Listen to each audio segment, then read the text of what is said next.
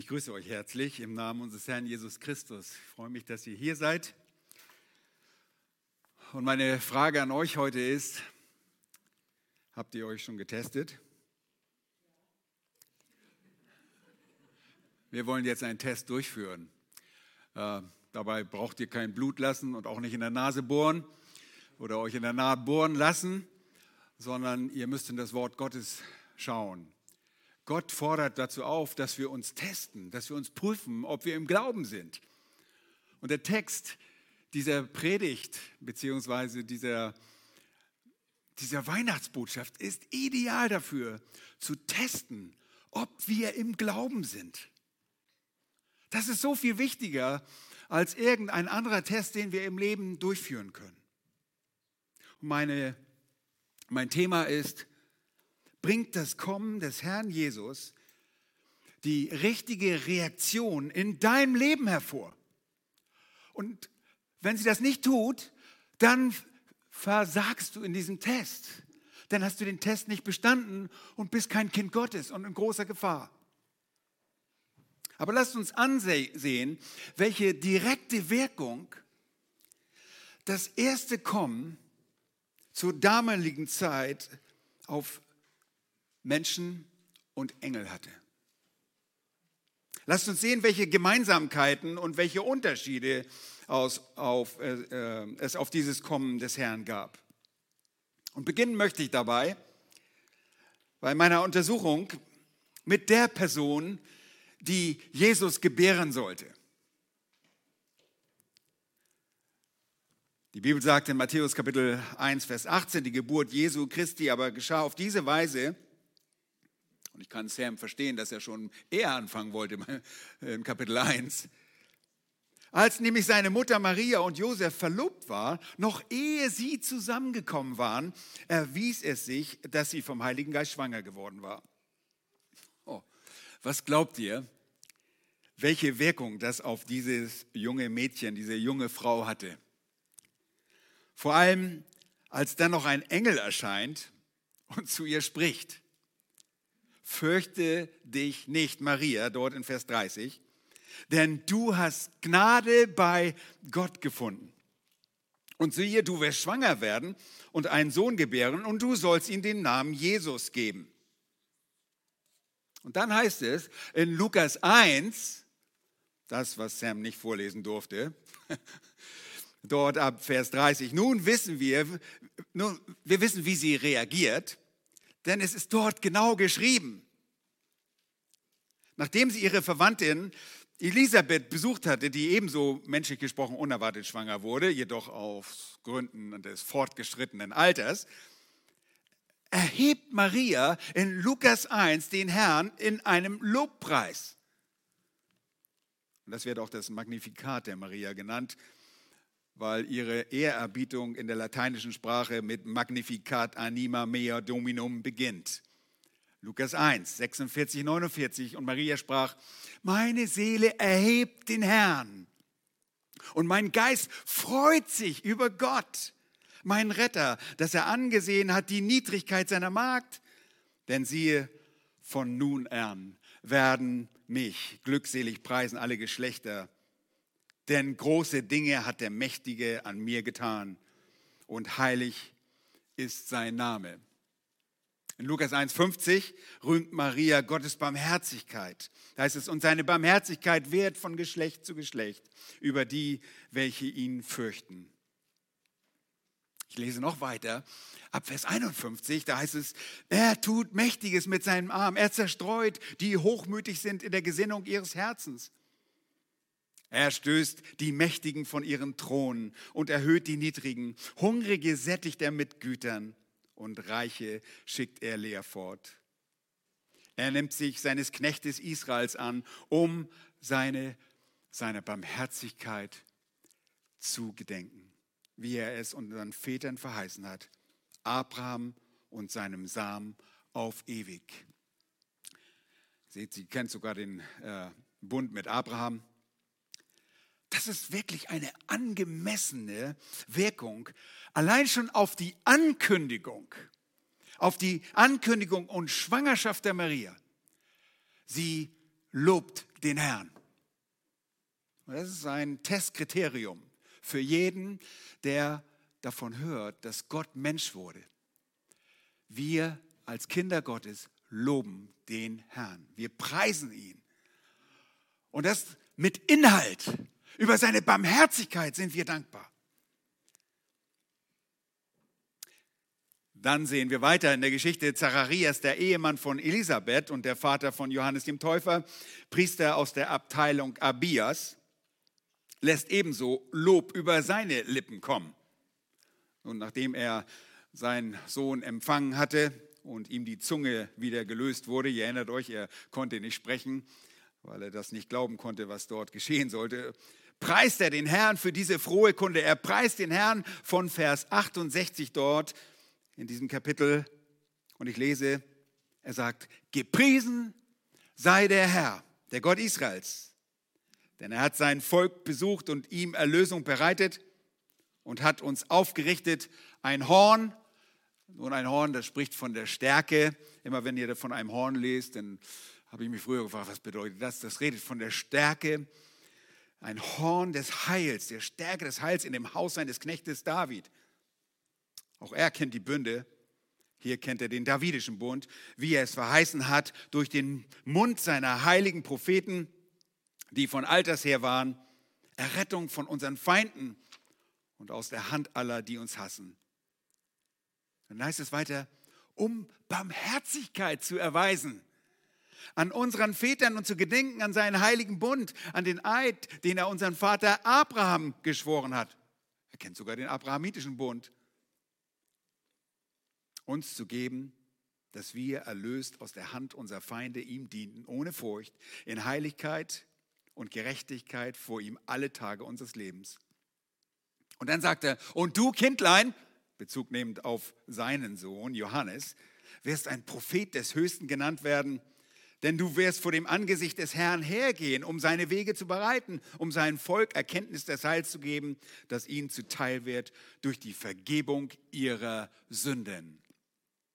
Um der herzlichen Barmherzigkeit unseres Gottes willen, durch die uns besucht hat der Aufgang aus der Höhe, um denen zu erscheinen, die in Finsternis und Todesschatten sitzen, um unsere Füße auf den Weg des Friedens zu richten.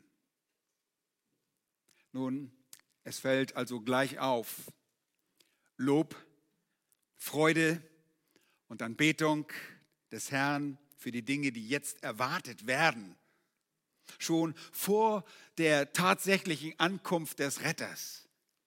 Die Menschen, die von dem Kommen erfahren, sind davon gekennzeichnet.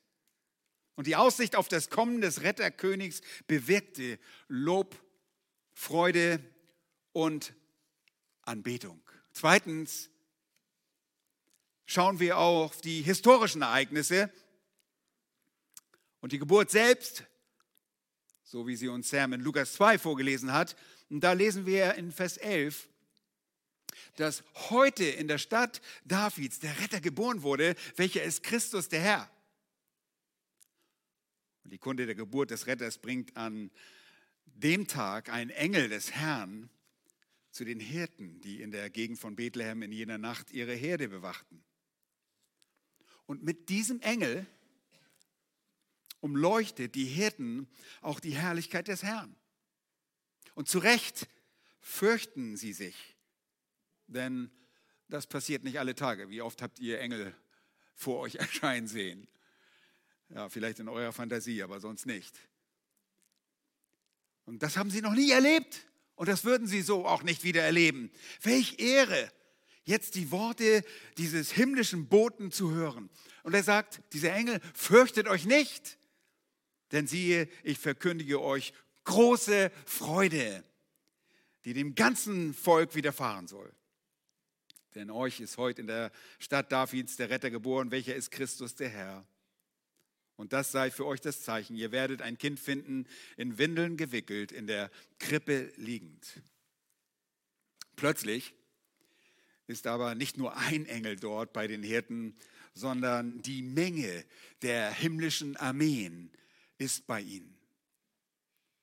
Und diese Boten Jahwes, sie können ihr Lob, die angemessene Reaktion auf dieses Ereignis der Geburt des Retters nicht zurückhalten. Und sie sagen, Herrlichkeit ist bei Gott in der Höhe und Frieden auf Erden. Und unter den Menschen Gottes Wohlgefallen oder besser übersetzt Frieden für die Menschen, auf denen Gottes souveränes Wohlwollen ruht. Die überwältigten Hirten gehen diesen Hinweisen des Engels nach und sie sehen den König der Könige, den Herrn der Herren, den Retter ihres Volkes in Windeln gewickelt in der Krippe liegen. Und sie schauten sich sicherlich satt an ihm. Ich meine, wer guckt nicht gerne ein Baby an zum Knuddeln? Was anderes war da nicht. Da war nicht irgendwie was Magisches in Jesus. Sie guckten ein Baby an, das in Windeln gewickelt war, in einfacher Menschengestalt. Und achtet mal drauf.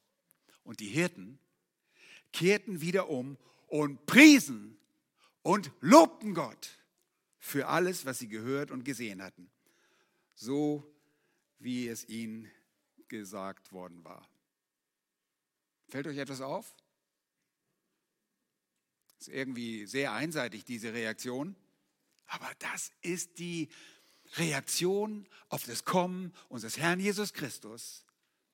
Sie priesen und sie lobten Gott.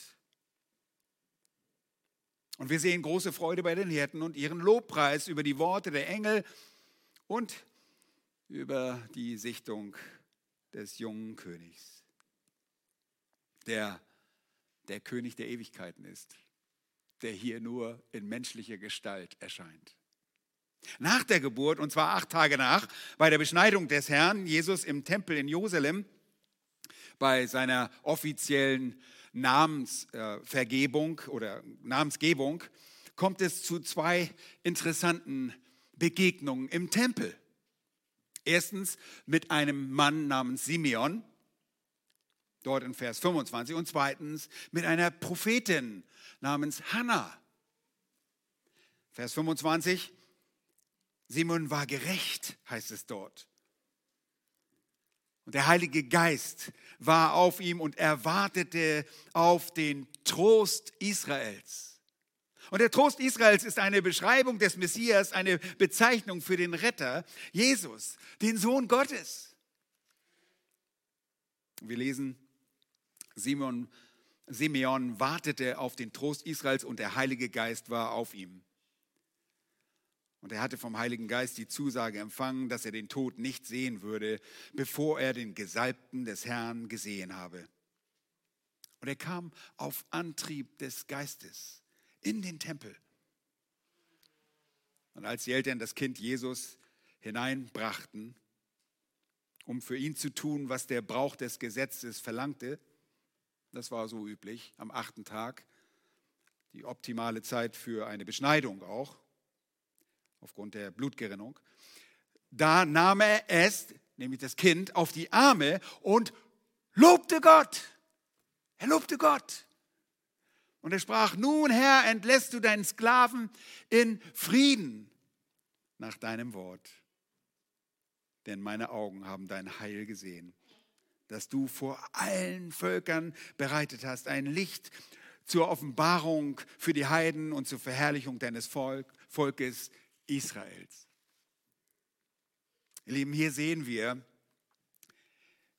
die Reaktion eines Gerechten, die Reaktion des Lobes. Wir erkennen das Resultat des inneren Friedens. Er hatte Frieden, auf einmal kam er ein Frieden über ihn und das Getröstetsein. Denn er wartete auf den Tröster Israels, über das Wissen, dass ein Retter, das Heil gekommen ist. Und da war auch Hannah, die Prophetin, die Tochter Phanuels aus dem Stamm Asser, die war hochbetagt und hatte nach ihrer Jungfrauenschaft mit ihrem Mann sieben Jahre gelebt. Ist nicht sehr lange, und sie war eine Witwe von 84 Jahren, die wich nicht vom Tempel, sondern diente Gott mit Fasten und Beten Tag und Nacht. Und diese trat eben zu dieser selben Stunde hinzu. Und was tat sie? Sie pries den Herrn. Sie pries den Herrn und redete von ihm zu allen, die auf die Erlösung warteten in Jerusalem.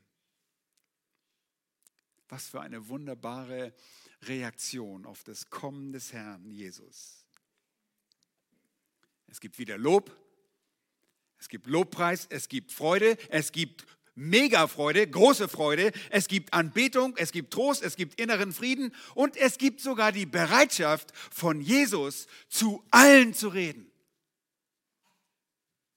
Das sind Kriterien, die wir anwenden, um uns zu prüfen, ob wir Kinder Gottes sind. Das kennzeichnet uns. Wir reagieren genauso auf das Kommen des Herrn Jesus.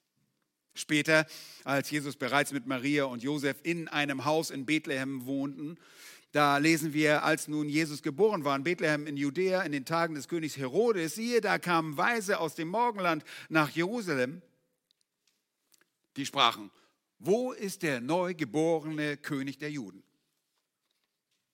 Wir haben einen Stern im Morgenland gesehen und sind gekommen, um ihn anzubeten. Wow. Sie kommen mit der Absicht anzubeten. Sie sind fremd und wissen nicht mal, an wen sie sich wenden sollen, wo sie dieses neugeborene Kind, der der König Israels sein soll, wo sie ihn finden können. Den Weisen den Magiern aus dem Morgenland, wurde dann berichtet, wo der Ort der Geburt des Christus sein sollte. Und wir lesen dort in Vers 9 in Matthäus 2, und siehe, der Stern, den sie im Morgenland gesehen hatten, ging vor ihnen her, bis er kam und über dem Ort stillstand, wo das Kind war. Als sie nun den Stern sahen, wurden sie sehr hoch erfreut und sie gingen in das Haus hinein und fanden das Kind samt Maria, seiner Mutter. Hört einmal gut zu. Da fielen sie nieder und beteten es an. Und sie öffneten ihre Schatzkästchen und brachten ihm Gaben, Gold, Weihrauch und Myrrhe. Nochmal, seht ihr die Regelmäßigkeit angemessener Reaktion auf die, bei diesen aufgelisteten Menschen?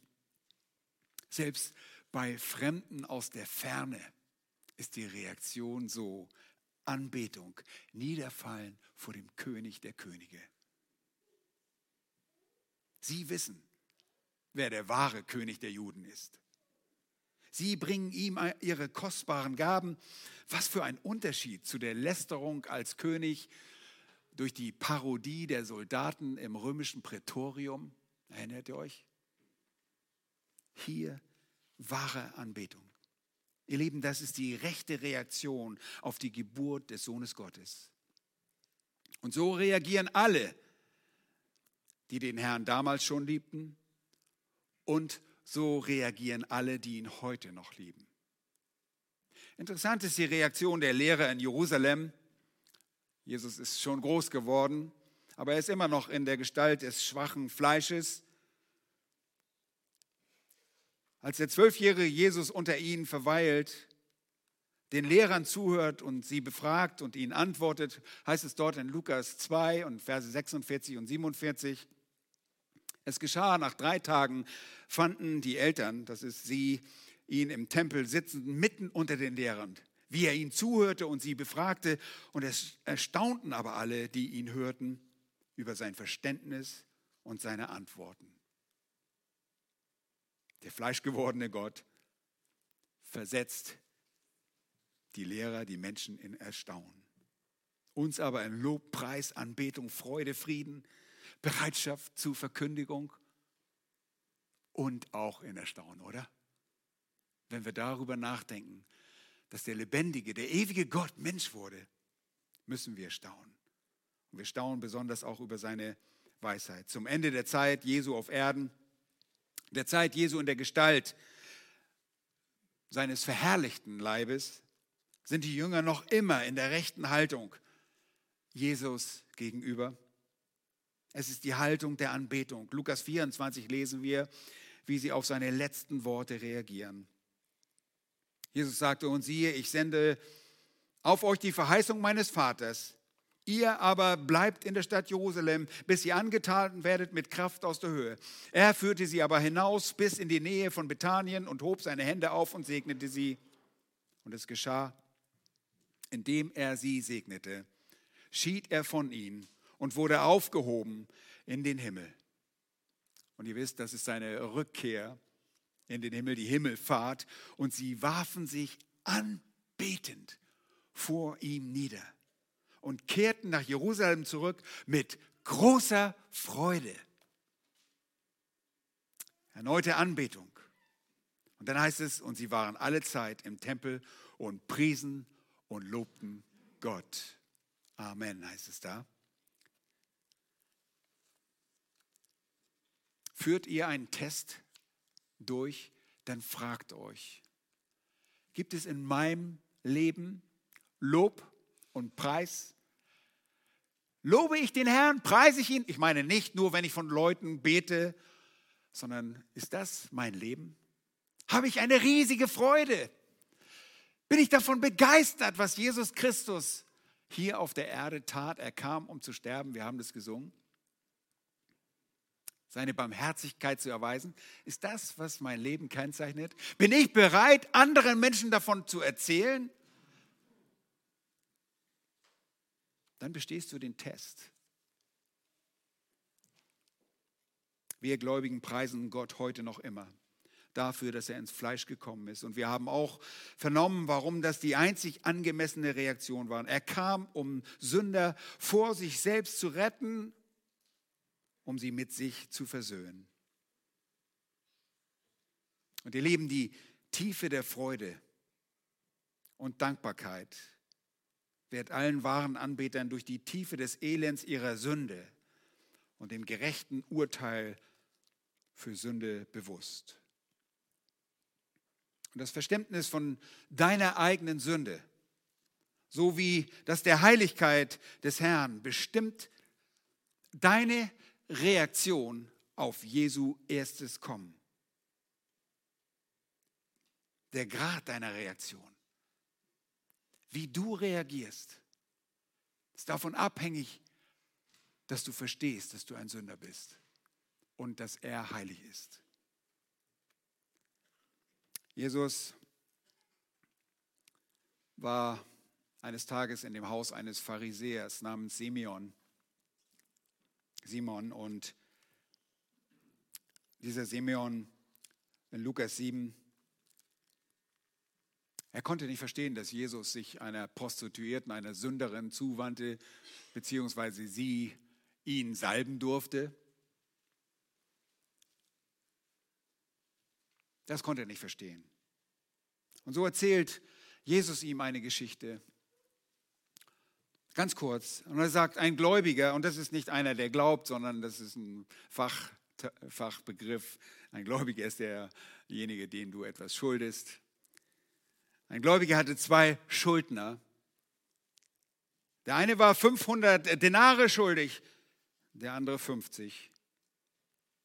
Da sie aber nichts hatten, um zu bezahlen, schenkte er es beiden. Er, das ist der Gläubiger. Sage mir, spricht diesen Pharisäern, diesen Hausbesitzern und sagt, sage mir, welcher von ihnen wird ihn nun am meisten lieben? Nun, Simon antwortete, ich vermute der, der ihn am meisten geschenkt hat. Das ist richtig. Ihr Lieben, wenn du die Tiefe deiner Sünde erkennst, wenn du weißt, wer du bist vor Gott, nicht im Vergleich mit anderen Menschen. Im Vergleich zu anderen Menschen schneiden wir sogar manchmal ganz gut ab, oder? Das haben die Pharisäer gemacht. Sie haben sich verglichen mit dem, der noch viel schlechter war, mit Mördern und Prostituierten. Aber vor Gott sind wir alle sündig und schuldig. Wenn wir begreifen, wie groß unsere Sünde ist, die Gott uns vergeben will, wenn wir zu ihm kommen, unsere Sünde bekennen und sie lassen, ihm nachfolgen, dann ist die normale Reaktion Anbetung, Lob, Preis, Gehorsam, Freude, Frieden, Bereitschaft zur Verkündigung des Evangeliums. Aber erinnert ihr auch, dass es Schrecken darüber gab, dass der König der Juden geboren werden sollte? Schrecken nicht nur bei einer Person, sondern Schrecken in der, einer ganzen Stadt. Da heißt es, als das der König Herodes hörte, nämlich als die Magier aus dem Morgenland Herodes versetzten und einen anderen Weg zu wieder zurückgingen und sie ihm nicht sagten, wo Jesus sich aufhielt. Als der Herodes hörte, als die Magier kommen und fragen nach dem, äh, nach dem König der Juden, erschreckend, erschrickt Herodes und ganz Jerusalem mit ihm, heißt es. Matthäus 2, 3, der von den Römern eingesetzte Kleinkönig Herodes, der über die Juden eingesetzt wurde als ihr König, der selbst gar kein Jude war, sondern Idumäer. Er erschrak und ganz Jerusalem mit ihm, sagt uns Matthäus. Er hatte Sorge um seine Macht und so heuchelt er den Magiern seine Ergebenheit dem Neugeborenen Jesu vor. Eine Ergebenheit, die er nicht besaß. Und er sagt diesen Magiern, oh, geht dorthin, forscht genau nach dem Kind und wenn ihr es gefunden habt, so lasst es mich wissen, damit auch ich komme und anbete. Haha. Die Heuchelei fliegt natürlich auf. Ich habe gesagt, warum? Weil die Magier gewarnt wurden, nicht diesen Weg zurückzugehen. Und als sie sich nun Herodes von diesen Weisen, von diesen Magiern betrogen sah, wurde er zornig, sandte hin und ließ alle Knaben töten, die in Bethlehem und in seinem ganzen Gebiet waren, von zwei Jahren und darunter, nach der Zeit, die er von den Weisen genau erforscht hatte. Hier sehen wir die Reaktion auf Jesu kommen von einem Sünder, der Gottes Pläne nicht umgesetzt sehen will. Der herrschende Unterkönig, dieser Kleinkönig der Römer, fürchtet den Verlust seiner Macht, wird zornig und ist bereit zu morden. Und ihr wisst, wie schrecklich dieser Mord des Herodes war. Ihr Lieben, auch heute würden Menschen Jesus umbringen. Und sie tun es, indem sie deren Boten, dessen Boten, sich an dessen Boten vergreifen. In der Christenverfolgung.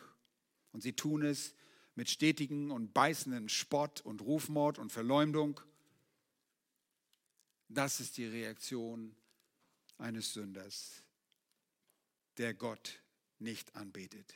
Jeder, der den Herrn Jesus heute in persönlicher Ablehnung begegnet, der macht Gott zu einem Lügner und wird letztlich so reagieren.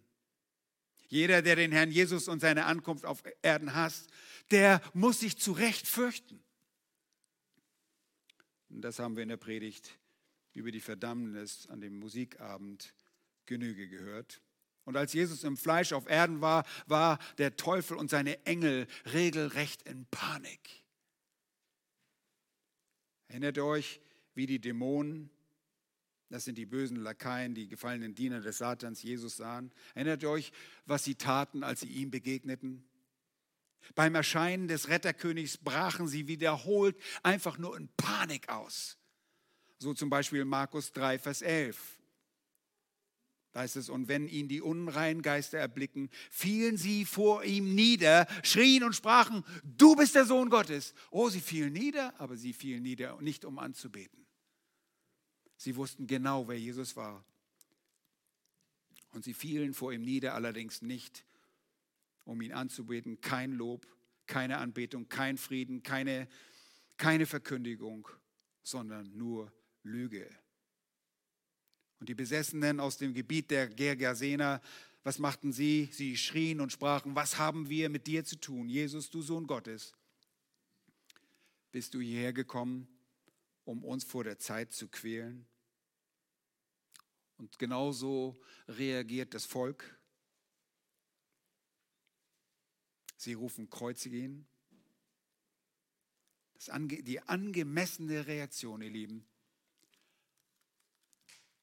ist Lob. Ist Preis, ist große Freude, ist Anbetung und innerer Frieden und Dankbarkeit. Ein Mund, der bereit ist, Zeugnis zu geben und Gesang. Und deshalb singen wir dem Herrn unser Lob.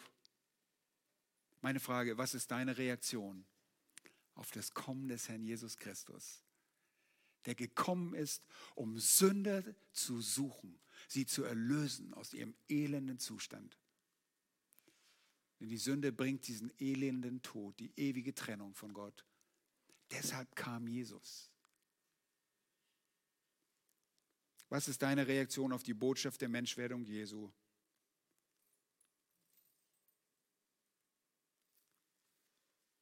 Das ist die Frage. Und das ist der Selbsttest, den du heute bestehen oder verfehlen kannst. Wenn du ihn fehlst, sorge dafür, dass du eine Impfung mit dem Evangelium bekommst, dass du das Evangelium annimmst und nicht verloren gehst. So war der Herr uns Hilfe. Lasst uns beten. Herr, wir danken dir nochmals dafür, dass du gekommen bist, um Sünder zu suchen. Herr, die Kranken bedürfen des Arztes, nicht solche, die meinen, dass sie alles besäßen. Nicht die Selbstgerechten, sondern die Verlorenen. Herr, und du sagst, zeigst uns in deinem Wort, dass es keinen gibt auf dieser Welt, der nicht Vergebung braucht. Wir sind Sünder vor dir. Wir haben versagt durch Übertretung deines Gesetzes. Wir haben versagt, indem wir das Gute unterlassen haben. Wir haben versagt, indem wir falsch denken und falsch handeln, falsch sprechen und dich nicht beachten. Aber jetzt forderst du uns heraus, Stellung zu beziehen zu deinem Kommen. Du bist gekommen. Herr, du wirst ein zweites Mal kommen. Wir wissen das aus deinem Wort, als Richter für die, die dich nicht kennen, aber als solche, die dich kennen, als der König der Herrlichkeit, mit dem wir zusammen regieren werden. Wir loben und preisen dich und bitten dich, rette du heute um deines Namens willen. Amen.